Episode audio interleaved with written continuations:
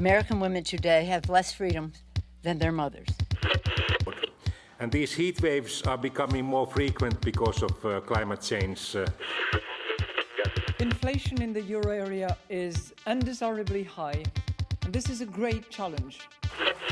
Every image is a new discovery, and each will give humanity a view of the universe that we've never seen before. Бойовий досвід і може приєднатися до оборони України, повинен негайно прибути до відповідних центрів. We have had wars with Russia, and we don't want that kind of future for ourselves, for our children. Hasta la vista, baby.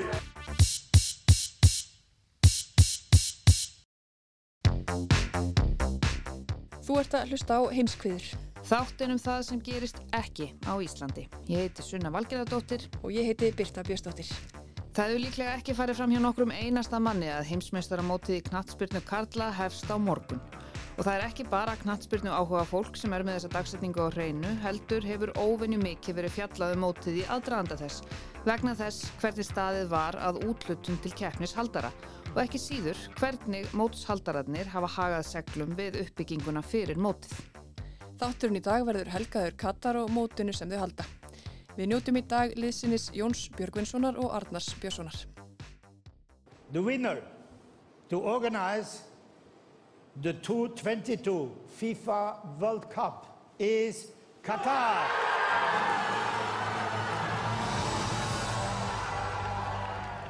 Sjaldan hafa jafn fá orð valdi jafn mikill í reyði, neyksli og deilum og þessi orð Sepps Blatter þá verðandi fórsetta alþjóðakraspinu í desember fyrir 12 árum. Í staðin fyrir að velja Suður Kóri, Japan, Ástralíu eða Bandaríkin til að halda heimsmeistaramót Karla í knaspinu sem hefst á morgun, fjall mótið í skaut líkt þekktra smáþjóður á Arabíuskaganum sem fæst vissu að hefði yfirleitt áhuga á fótbolta. And the FIFA Secretary General. Please. Nú er eins og ljóst eftir áralanga rannsóknir og handtökur að þetta undarlega val var ekki síst afleðing mútugreðsna og spillingar. Ekki bara enn FIFA heldur einnig en að raða stjórnmálamanna og löggæslu. Og ekki aðeins Sepp Blatter var það að segja af sér í kjölfarið heldur einnig ríkisaksóknar í Sviss og Michel Plantini knaspinu stjarnar. Hann var dæmtur til að hætta öllum afskiptum á fótbolta. Þeir sem mest höfðu áhrif á að heimsmeistarakeppnin fjalli Katar í skaut reyndust vera fúrustumenn Suður-amerísku knastbyrnusambandana sem múta var og Nicolas Sarkozy þáverandi fraklandsforsiti sem er í að því öllum árum að Katar hrefti hnossið, engum vegna viðskiptagsmuna. Í skiptum fyrir stuðning frakka keftu Katar Rafael orustu þóttur af frökkum og einnig Paris Saint-Germain knastbyrnufélagið sem þá var á barmi gjaldþróts. Franska hótelkeðan Accor varð stæsti verktækinu við herbergja uppbyggingu í aðdraðanda heimsmeistarakefnunar og franska ólífélagi Total er nú einn helsti samstagsaðali Katara í risa uppbyggingu á gasvinnslu í landinu. Svo aðeins nokkur af nánum viðskiptatengslum frakka á Katara sem eru til í kjölfarið síðan nefnt.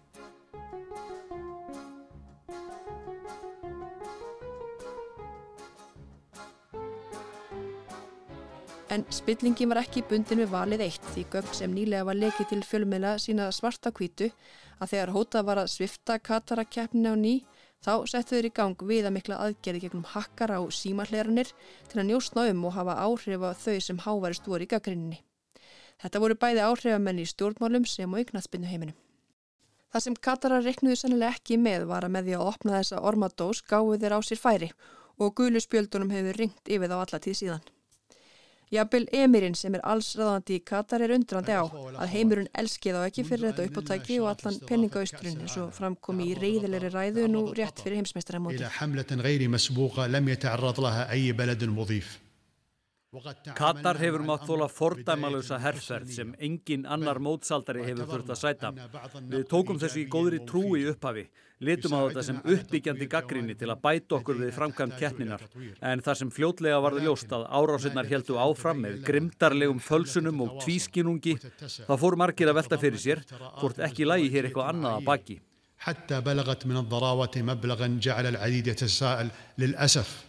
Heimskuður af áður fjallaðum gaggrinni mannlítaldarsamtaka og meðferð erlendra verkamanna í Katar.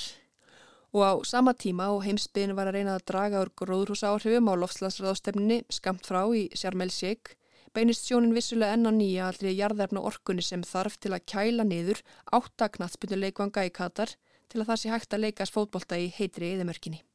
Við ætlum að koma þess inn á mannindabrótin í síðarluta þáttarins en við ætlum að byrja á því að fjalla um 300.000 manna þjóð í Hardbílulandi sem framleiðir ál með ódýri orku og dáist að verkum Ólafs Eliassonar en nefnist þó ekki Ísland. Það er Jón Björgvinsson sem segir frá.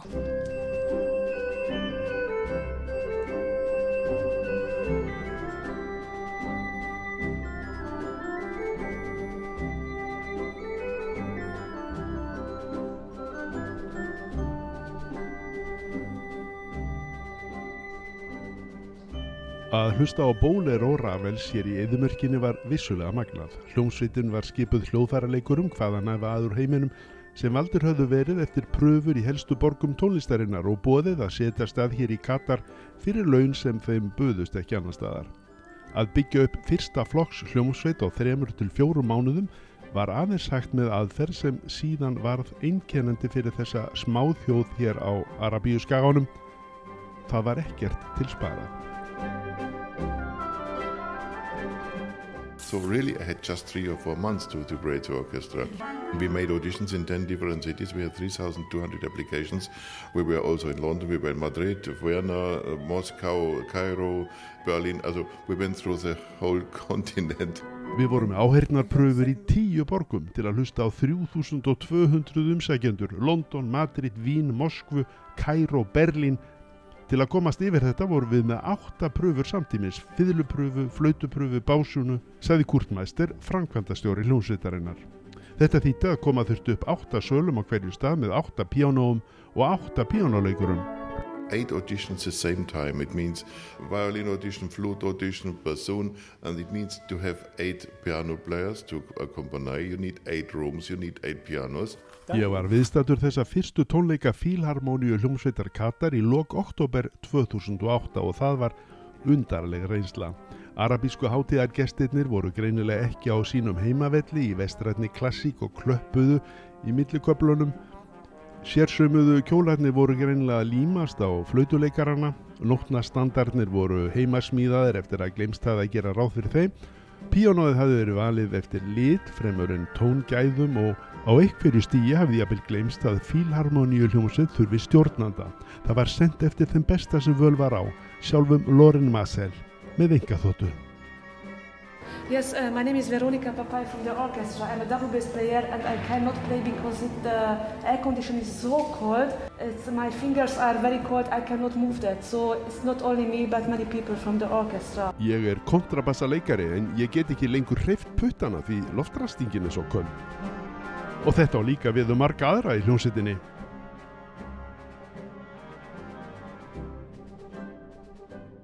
Þetta uppáttæki að nota óljuauðin til að flytja hingað í eðimörkina alltaf besta í vestrætni menningu og byggingarlist er eignað Mósu, eigin konu Emirsins og alvaldsins Hamats sem nefndur er fadir nútíma Katars og varum margt ólíkur öðrum einræðisherrum í Arabaheiminum. Fyrir það fyrsta ákvað hann að stinga ekki öllum ólju og gasgróðanum í eigin vasa, heldur að byggja upp eitt ríkasta og háþróasta ríki heims og ólíkt öðrum Arabahöfðingjum dró hann konu sína eina af þremur, fram í dagsljósið og hafði hana með sér við hlið í ofinbjörnum heimsóknum að vestrannu sið þótt hinnar tvær sættu heima í fullu starfi við að geta og ala upp allan barnahópin hans sem telur samtals 24 börn. Til að flytja inn erlenda list og menningu hlifti Mósa af Stokkulum á sammannísunum Katarstopnuninni sem hófa reysa glæsilegar sapnabyggingar teiknaðar af fremstu arkitektum heims og háskóla Því fjölskyldum í Katar er ekki vel við að hleypa sérstaklega dætunum sínum til menta á erlendri grund þótt þeim sé meira andum mentu þeirra og frama en mörgum öðrum stráng trúuðum muslimum. Svo úr því ekki var þórand að senda þær í erlenda háskóla var bara að byggja útibú bestu erlendu háskólana hér.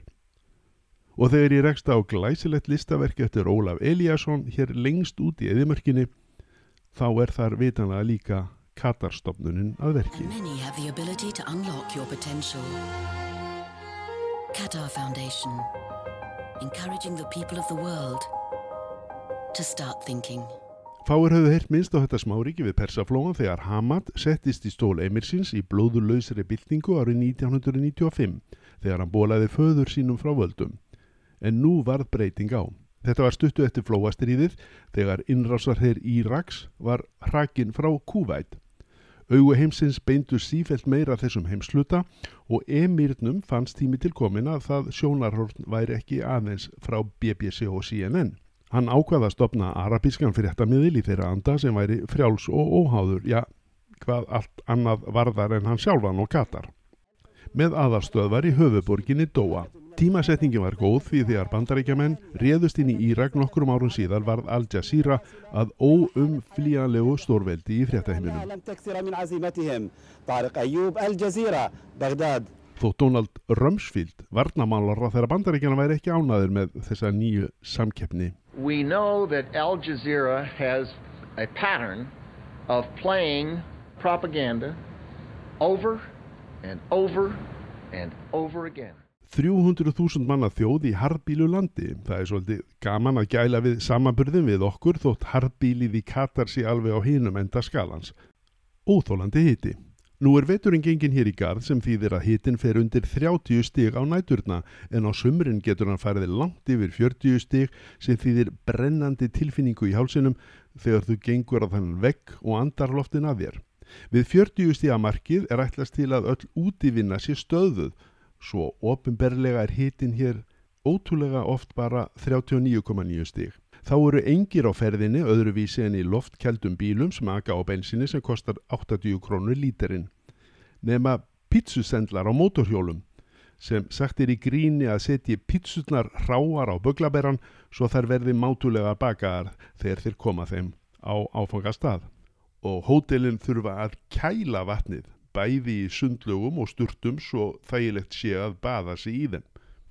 En þráttur þetta eru hér eina að þær gungugötur og nýr súk eða markaður sem á að líti út fyrir að vera aldagamall og síki og brýr sem herma eftir fennium. Vitanlega getur engin verið hér á ferðinni yfir daginn nema, já viti menn þessi gungugata er loftkæld. Það streymir kallt loft út úr gósbrunninum og upp úr ræsum í gödunni svona líkt og gert er líka til að kæla niður átt að risavaksna knaspitnuleikvanga hér í og við borginna maður fer út í bíl og, og, kveikir á hann til að kæla hann en ekki til að hýta hann eins og maður gerir heima á Íslandi. Segir Jónas Grani Garðarsson, sjúkraþjálfari sem búið hefur í Katar í tæp sjö ár og lætur vel yfir dölinni þar. Já, maður er ofta að flýja hýtan, maður er inni að því að það er svo heitt úti og, og mikil sól, það er bara erfitt að vera úti mjög lengi í mesta hittanum og mestu sólinni en ekki til þess að flýja kuldan á Íslandi þannig að það er, það er átt verum og forsendum sem að gerir nákvæmlega sömu hlutina hér með að við heima. Landslægið er flöt eðimörk, ekki þessi með romantísku sandhólunum heldur brennandi sölt og líflítil sletta, já nema kötturunum detti í huga að kaupa eina herðubreið og flytja hana hinga sem væri svo sem alveg eftir þeim. En þánga til þarf hér ekkert ungferðis mat þegar orkuverunum er demt niður með fram sex agrina hraðbrautum sem líkja beint af augum í hundruður kílometra. Stundu var að skildi við umferð úlvalda en nú orðið eru þeir einingi sætlaði til veðreiða eða til að skemta túristum sem hinga slísast sennilega í byð á milli tveikja leggja á flugferðsinni með Qatar Airways annarkvort í austur að vestur. Beduínarnir eru hornir með hyrðir sínar og perlu kafararnir sömu leiðis. Því þetta voru þeir tveir ættbálkar sem byggðu þennan skaga sem er varðla mikið stærri en vestfjörðarkjálkin. Lengi velundir yfir áðum óttamannveldisins eða fram yfir fyrri heimstyrjöld þegar það varðað bresku verndarsvæði. Brettar og Portugalar höfðu lengi tekist á um siglingar á þessari gjöfulu verslunarleið og verslun með aðalauðin sem kom frá þessu svæði perlurnar. Katar var miðstöð þeirra viðskiptan. En svo gerist nokkuð óvænt á þriðja áratug síðustu aldar sem kifti fótonum undan þeim viðskiptum. Japanir höfðu náða að þróa perluræktun í kringu 1930 og hefði ekki annað jafn óvænt gerst nokkurum ári síðar væru við sennileg ekki að tala um Katar núna. Það fannst ólja. Perlukavararnir voru fljótir að tilenga sér tækifærið sem það skapaði þeim og Altani ættin sem ráði þeifur ríkjum í Katar í 200 ár er úr þeirra röðum. Í upphafi leit út fyrir að bæði Katar og Bahrein yrðu hluti af saminuðu fyrstadæmanum skamt fyrir sunnan en þegar upp úr þeim viðræðum sögð árið 1971 lístu þau bæði yfir sjálfstæði.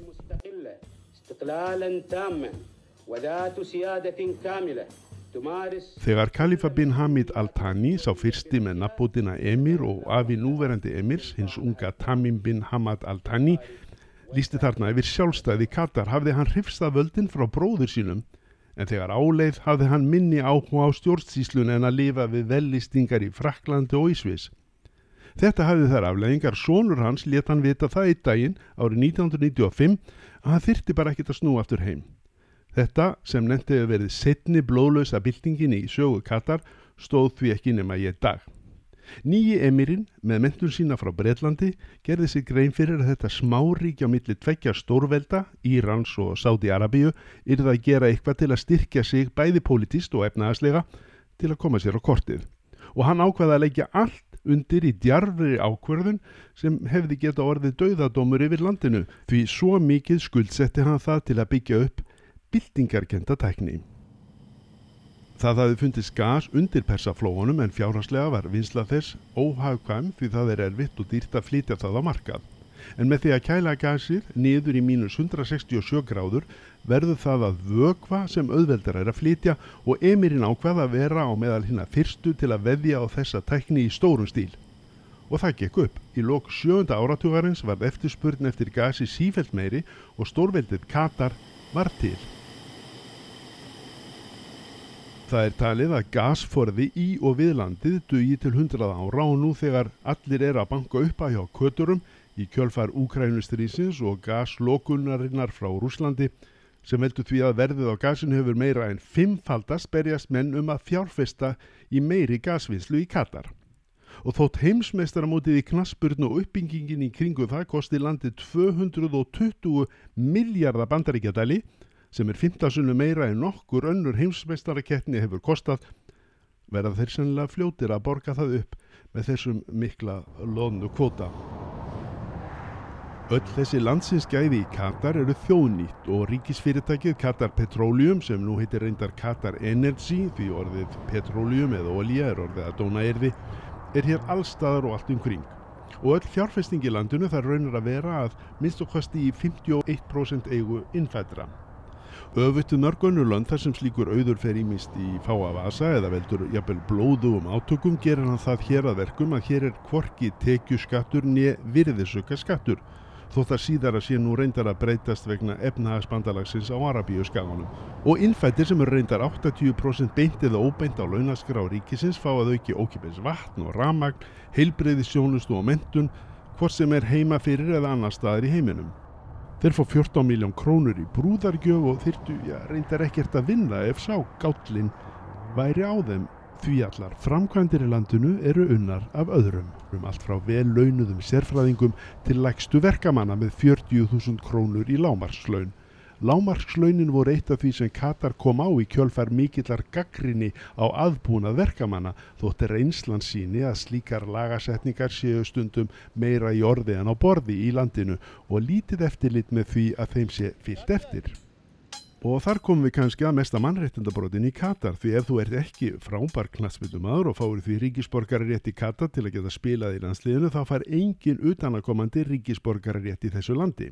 Katari sem flytti til Íslands og uppfyllti öll hefðbundir skiliði getur orðið íslensku ríkisborgari en Íslandingu sem eðir allir sinni æfi í Katar og væri jafnvel fættur hér fær aldrei ríkisborgari rétt í Katar og yfir Vísóðurlandi ef að missir vinnuna nema, já, hann hafi keft sér íbúð, þá fær hann að vera eins lengi og honu sínist en án þess þó að öðlast nokkuð tíman sömuréttindu og Katarar. Til að eignast frambarlegt landslíði fókbólta var hinda af stokkunum risa áallun í anda Katara. Líkt og þeir gerðu við stopnun fílharmoníu hljómsveitar sinnar leituðu hundruði sérfræðinga af efnilegum ungum knaspötnumönnum út um allan heim og fluttu þá í uppeldisbúðir hér í Katar. Hugmyndin var að selja þá efnilegustu til stóru liðan í Evrópu og fá það svo aftur til Katar til að geta telt fram boðlugu landsliði í hinsmestarakefnina en botnin datt úr þessum áformum þegar alþjóða knaspötnusambandið ákvað að knaspirnu menn yrða að búa í fimm ár eftir átjónara aldur í viðkomandi landi til að þeir yrðu gjaldgengir í viðkomandi landslið. Eitt stærsta vandamáli sem Katarar þurfa nefnilega að glíma við er að þeir eru pínu lítill minnihlutahópur í eigin landi. Það skýrir að hluta til fælni þeirra við að veita öðrum nokkur réttindi í landinu. Katarar eru aðeins 10% landsmanna. Hinn 90% hafa setið sveitt við að reka og byggja upp landið. Heilu borgar hverfin hafa sprottið upp og skíokljúvarnir risið eins og gorkúlur. Quand je suis arrivé ici, c'était que des dunes de sable. Il n'y avait pas cette voirie, c'était du sable. Þegar ég kom hinga voru hér ekkert nema sandöldur, segir Christian Dumont, kaupsýslumadur. Þessi vegu var ekki til, bara sandur. Et donc entre, entre 2003 et 2008, ils avaient construit déjà une, je sais pas, une trentaine de tours pratiquement. Et puis après, ça a été l'explosion. En svo árunum 2003 til 2008 spruttu hér upp einir 30 skíakljúar og í framhaldinu var hreinlega sprenging í byggingaframkvæmdum. Og enn má segja, þegar ekkið er hér um gödurnar í Dóa að það sé málingalikt af allri borginni. So the transition was two generations only, going from a tent to a mud house and from a mud house to an actual house which is modern with ACs and lights and everything. Öll umskiptin urðu aðeins tveimur kynsloðum frá tjaldi í leirkofa í nútíma húsakinni með loftkælingu og lýsingu, segir mér Ali Al-Saik, 30 ára gammal. So that's the transition. Qatar came from 1970 to uh, 2022.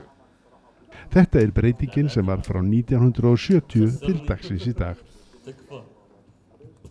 Stærsta áfallið í þessari ótrúlegu sögu kom árið 2011 með arabíska vorinu þegar Mohamed Bouazizi grannmeitisali í Túnis kveitti í sér til að mótmæla harðræði bæjareyfirvalda þar. Sá neisti var það báli sem breytist út til Líbíu, Sýrlands, Egyptalands og jafnvel til Bahrein næsta nágranna Katar. Katar slapp hins vegar nokkurt veginn við mótmælaölduna sem spratt ekki síst af efnahagsástandinu í viðkomandi löndum nokkuð sem þjóðin í Katar þurfti ekki að glíma við. En uppgangur Katar hafði ekki gert þá mjög hátt skrifaði í Arabaheimunum og nú sáu þessi tækifæri til að bæta úr því með því að styðja mótmælaöflin. Bandaríkin hafa verið með herstöð í Katar frá því þeir röktu innrásarherr Íraks út úr Kúvat fyrir 30 árum. Nú var þessi herstöð notu til loftárasa NATOs á Líbíu en stuðningur Katara sjálfra var meira fjárhagslegs eðlis. En byltingin fór hvarvetna út um þúur. Þrátt fyrir stuðning Katar og líðræðislegt kjör var muslimska bræðralægir til dæmis hrakið frá völdum í Egiptalandi og byltingarhefingar breyttust í hriðiverkasamtök. Katar var sakað um stuðning við hriðiverkahópa og einangraðist í Arabaheiminum fremur en að styrka þær stöðu sína. En uppur sögð þó ekki fyrir nokkrum árum síðar þegar atbörður líi sögu líkastur átti sér stað.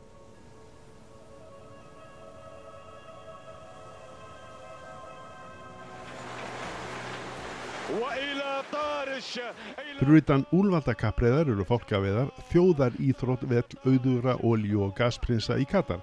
Fálkar eru þar þjálfaðir til að veiða aðra fuggla og í kjölfar þeirra bruna svo týjir kvítar á landkrúsir jeppa um auðnina. Eftirsóftasta bráðin er sprángfugl. Stór fugl skildur kalkún sem vegna ofveiði er orðin sjálfgjafur hér í eðimörkin í Katar. Svo hvað gera veiðimennir með fólkana sína þá? Með mikillir leint ógu þeir í gegnum sáti-arabísku eðimörkina með vopnaða verð og allt inn í Írak til að svala veiði ástriðunni. En í staðin fyrir sprángfugla urðu þeir sjálfur að bráð og voru teknir í gíslingu. Þar sem þetta voru meðlimir sjálfrar Al-Tani emir fjölskyldunar í Katar var þetta heið versta mál og ekki um annað að ræða en að greiða heiminhátt lausnargjald eftir átján mánada samningaþref.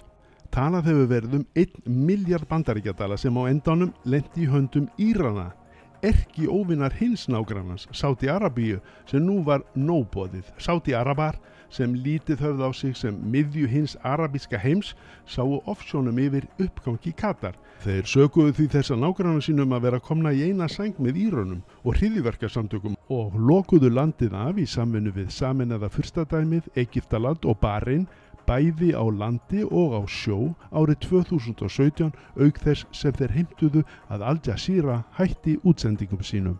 Með þessum þvingunum átt að kæfa Katar og Sáti Arabar buðust jafnvel til að halda hinsmestarakeppnin í fótbolta í þeirra stað. En Sáti Arabum sást yfir eitt í þessum áformum sínum. ótrúleg auða við Katara. Á einni nóttu flugu þeir inn með þúsund kýr frá Ástralíu og hundrað sérfræðingar frá Írlandi til að setja upp fullkomnasta kúabú í heimi þeir hófa að rækta grannmeitt og áveist í eðumörkinni og heldu áfram að byggja upp glæsilega innviði sína og íþróttaleikvanga eins og ekkert hefði í skorist. Hótelstjóri Valdorf Astoria, glæsi hótelsins, allt úr harfiði og marmara lísti því þannig fyrir mér við opnum þess fyrir okkur dögum hvernig tekist hefði þrátt fyrir viðskittabannið og COVID að reysa það á aðeins þremur árum með því að flytja allt efnið í það flugleiðist til Katar. Og líkt og með Selenski í Úgræinu leitu þessi átök ekki til falls Emirsins Altanis sem tók við aðeins 33 ára gamal við afsök föðursins heldur var þann að þjóðhetju í Katar. Og Katar kom sterkari en okkur sinni út úr krísunni þegar Joe Biden skerst í leikin og fekk Egiptaland, Sáti Arabíu og arabísku fyrstadæmin til að semja um frið við þessa nágrana sína í upphafi síðasta árs. Aðeins nágrana eigin Bahrein er enn með lokað á Katar. Önnur fjöður í hatt Katara á síðast ári kom líka úr óvantri og mótsagnakendri átt því á meðan bandaríkja menn sendu flugvélar sínar hérðan frá Katar til árása í Afganistan til að steipa talibunum þar af stóli þá litu talibanar á Katar sem það mikla vini að þeir settu þar upp helstu sendiskrifstofu sína þegar þeir höfðu verið hraktir frá völdum árið 2001. Og því var það líka í Katar sem talibanar gerðu fríðarsamning á síðast ári við bandaríkin sem í framhaldinu dró allt herlið sitt frá Afganistan. Í kjölfarið og flestum að óvarum náðu talibanar strax aftur völdum í Afganistan og 2000 reynda flýja land. Og nú kom Katar aftur til sögunar því þótt þeir væru eða kannski vegna þess að þeir voru óbeint sekjur um þetta klúður þá settu þeir upp loftbrú til að flýta sem flesta frá Afganistan og þar á meðal mig og marga aðra fréttamenn. Þegar mest var gistu um 60.000 afganskir flótamenn í Katar.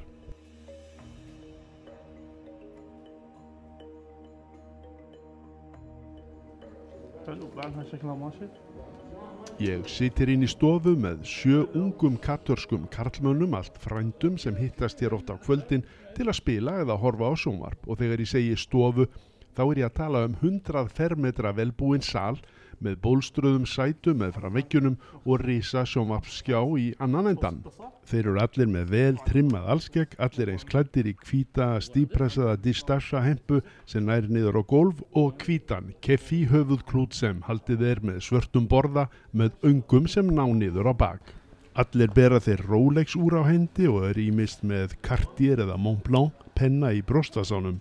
Allir raka þeir um á hvítum landkrúsirjeppum svo hér eru menn greinilega ekki mikið fyrir að sína ríkidæmi sitt umfram aðra.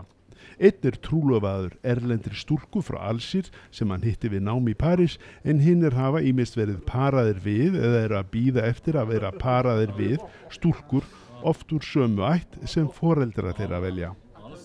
Þjótt frá Nepal ber inn tvo bakka með tveimur heilum lömpum og við setjumst á gólfi til að snæða það með puttunum einum. Al-Saik fjölskyldan þessi er langt frá því að vera með þeim auðugustu hér en hún er samt með sjömanna starfslið, tvo í restingum og þvotti, eina barnabíu, tvo bílstjóra, eitt kokk og eitt þjón. Afinn átti þrjárkonur og fjórtán börn, fadirinn aðeins tvær og fimm börn og þessi yngsta kynslo lætu sér yfirleitt eina eiginkonu næja, þessi ódýrt að eiga fleiri segja þeir. Nema vitanlega hinn ungi Emir, þjóðhauðingin þeirra sem á þrjár konur og þrettán börn. En eru þeir ekki svolítið spiltir með alla þessa peninga?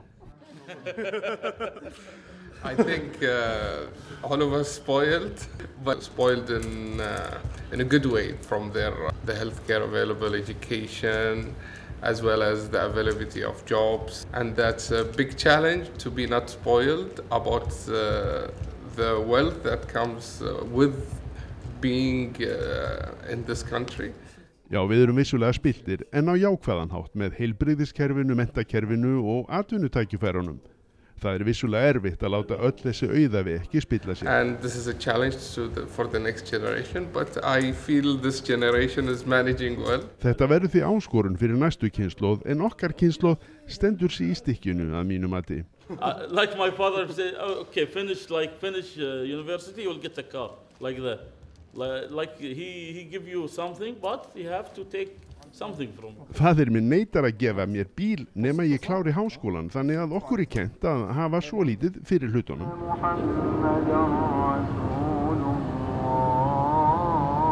Musin kallar þarna til Ash síðdeisbænar í Moskunni en í Katar er greinlegt að kallið er bæði lávarara og mun stittra en ég á að venjast í öðrum löndum muslima. Þessi undarlega sambúð strángra trúarbræða og hefða vahabíta muslima af sunnitabalki og nútímalegustu vestrænu tækni ber allstaðar við augu og eiru hér í Katar. Þar sem ég sýt nú hér um borði nýjust og glæsilegustu neðanjarðarlest veraldar sem flyttu nú fólkamilli bæjarhluta í höfuborginni Dóa er óvanlegt að sjá að einn vagnin er ætlaður körlum, annar konum og svo þriði er öruglega eini luxusvagnin í nokkuru neðanjarðarlest sem búin er tölvuskjáið hvert sæti. Greinileg tilrönd til að fá líka Katara sjálfa til að nota þessar almenningssamgöngur.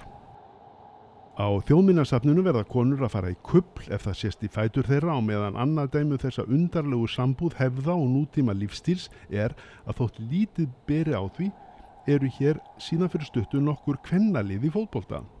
En til að styggja ekki hérna heitrúðu, æfa stúlkurnar og keppa fyrir luktum dyrum og allir símar eru teknir af leikmönnum svo ekki berist út myndir af þessu nýkslanlega aðtæfi. Konur sem á búi hérna til lengri tíma segja að þær, þær eru aðeins frjálsar en þær voru þegar þær komið fyrst.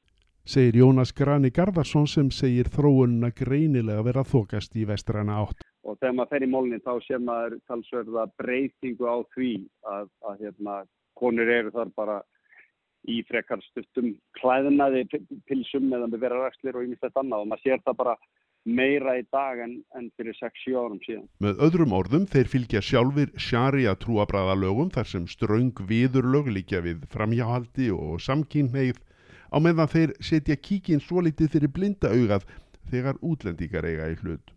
Þeir sem hér búa að vita að ástarfundir á hótölum kosta það að borga fyrir tvö aðskilin herbyrgi þótt aðeins annað þeirra sé notað og það verður frólægt að sjá hversu umburðarlindir katarar verða þegar þeim verður augrað af þúsundum fótbolta unnenda af öllum kynjum og ég tala nú ekki um þegar þeir reyna að fá sér einn léttan bjór utan þeirra ströngu marka sem setta að verði kringum heismyndarakeppnina.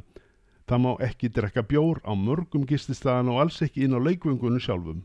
Áfengi hér er rándýrt og útlendingar sem hér búa fá vínkvóta sem þó má ekki vera hærri en 10% af launu þeirra.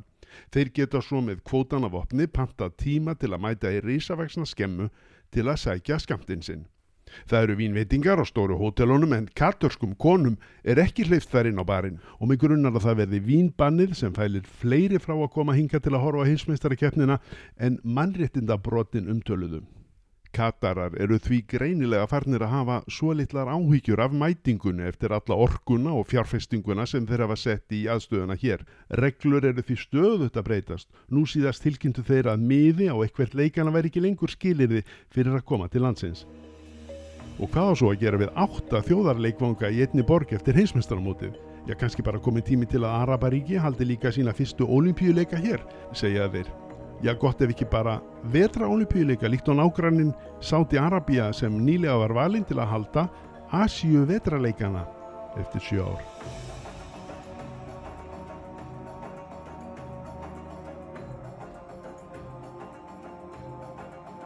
Þetta var Jón Björgvinsson í Katar. En hér heima sitjum við Arnar Björnsson, fyrrum íþróttafréttamaður og nú fréttamaður á erlendindeildinni hér á fréttastofu Rúf. Ég Arnar Jón velti fyrir sér hvort þessi stórmót séu komin til að vera í þessum heimsluta. Þó umfjöldun hafi kannski aldrei verið meiri, þá er þetta nú ekki í fyrsta sinn sem Katar heldur stórt íþróttamóti þannig að? Nei, aldeilis ekki. Þeir voru byrjaðar á því áður en þeir unnu kaplöpuðum heimsprestarakefnina og bættu heldur betur í eftir það. Hvert stórmót er að kannad hinsmestaramóti í frálsum íþróttum, hjólreðum, sundi, fimmleikum og HM félagslegi fótbolta og HM í handbolta 2015. Samkant Forbes tímaritinu er kostnaður við keppnina í Katar um 150 miljardar pandarækjallala og ég er reyndar heyrt herri tölu 220 miljardar en þetta er tíu sinum meira en fyrir fjórum árum í landi sem er nýju sinum minna en Ísland og með færri íbúin í Berlín.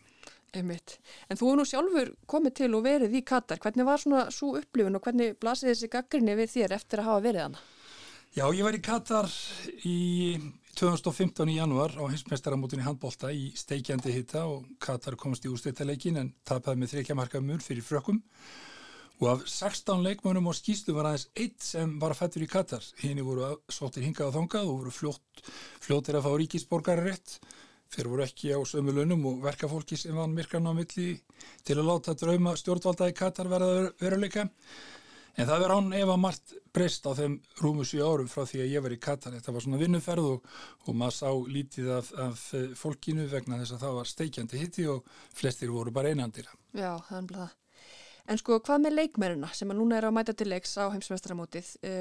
Það hafið auðvitað ykkur tíðindi búist að því að ykkur er ætla að sína ykkur andstöðu við stjórnvöld Katars í. Men í hvað stöðu eru þeir? Já, margir knastbyndumenn segja að þessi settir í mjög erfiða stöðu. Það er draumur átra að spila á stærsta sviðinu og það á svo sannlega við heimsmeistaramóti sem haldinn eru á fjögur ára fresti. Þjálfari bandaríska liðsins, Greg Berhaltes að í viðtali við fjölmilaður en liði hjælt til Katar að nöðsynlegt væri að nýta tækifærið og veikja aðtikli á félagslegum vandamálum í Katar. Á liðsótilinu og á fjölmilasvæðum verða að regnbólítinnir auðsinni liðir en landslýstmennir fá ekki vera í æfingatrefum í regnbólitum á keppnisrættinum.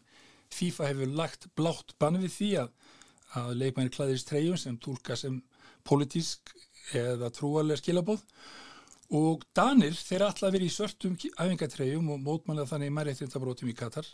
Þeir ætla að vera í treyjum þar sem ástóð mærreittindi eru fyrir alla en FIFA bannaði það. Nú auðvitað plöskrar mörgum hvernig staði hefur verið á málum eða eins og einhver staði mátti lesa 5.000 manns látnir fyrir 5.670 minútur á fótbolta. Mér að segja Sepp Blatter fyrir hundi fórsett í FIFA og sá sem tilkynnti að Katar fekk í keppnina, hann var fórsett í FIFA í 17 ár. Hann saði viðtalið við Svísnarska blæði takast ansækjara fyrir skömmu að það hefur verið mistök að velja Katar sem mótsaldara. Sem er kannski svolítið auðvilt fyrir hann að segja núna. Heldur betur 86 ára gammal. Einmitt. En Arnar, hvað þá með íþróttafréttamennina sem eru að fara út til að fjalla um mótið og ætla að gera það líka kannski heima frá sér? Í hvaða stöðu eru þau umfyllinu mótið svona þegar við vitum hvað, það sem við vitum? Þeir eru örglega margir hverjir í skrittinni stöðu en, en ég hugsa nú að flestir verða kannski einbetið sér að því að fylgjast með og, og hugsa sér um þetta þegar heim er komið. En eh, Hallgrímur Indriðarsson talaði við norska fréttamannin Halvor Ekedaland sem að satt í haldi lauruglunari í Katar í 30 klukkutíma ásand öðrum bladamanni frá NRK. Uh, vise fram de sidene av Qatar og Fifa som Qatar og Fifa ikke ønsker at vi skal vise. Uh, og Det er jo det som har vært min jobb. Det var jobben min for et år siden. Det er jobben min i dag også. Uh, og, og fortelle de historiene om Já, hann segir þarna að það hefur verið hlutverk hans fyrir ári þegar hann var handtekinn að, að segja frá hvað var að gerast í Katar en, og sína keppnistæðina, hvernig hann líður út í dag hann segir að það sé mikilvægt að skoða baksviðið, bæði slæmskiliði farandverkafólks og einnig ábyrð FIFA á stöðinni. Hann segir að Katar sé sjúkdómsenginni á sjúkdónum en FIFA er sjúkdómurinn sjálfur. FIFA ákvaða að kemnin færi fram þarna og þeir beri því ábyrðinu ástandinu undanfæri mánutum. For uh, Qatar er jo egentlig symptomet på sykdommen som er FIFA. Det var FIFA som tildelte VM til Qatar. og Det er de som har ansvaret for uh, alt det som har skjedd nå de siste tolv årene. En hvað þá með áhörvendur, móti byrjar á morgun? Má horfa á leikina frá Katar með þessari vittnesku í farteskinu?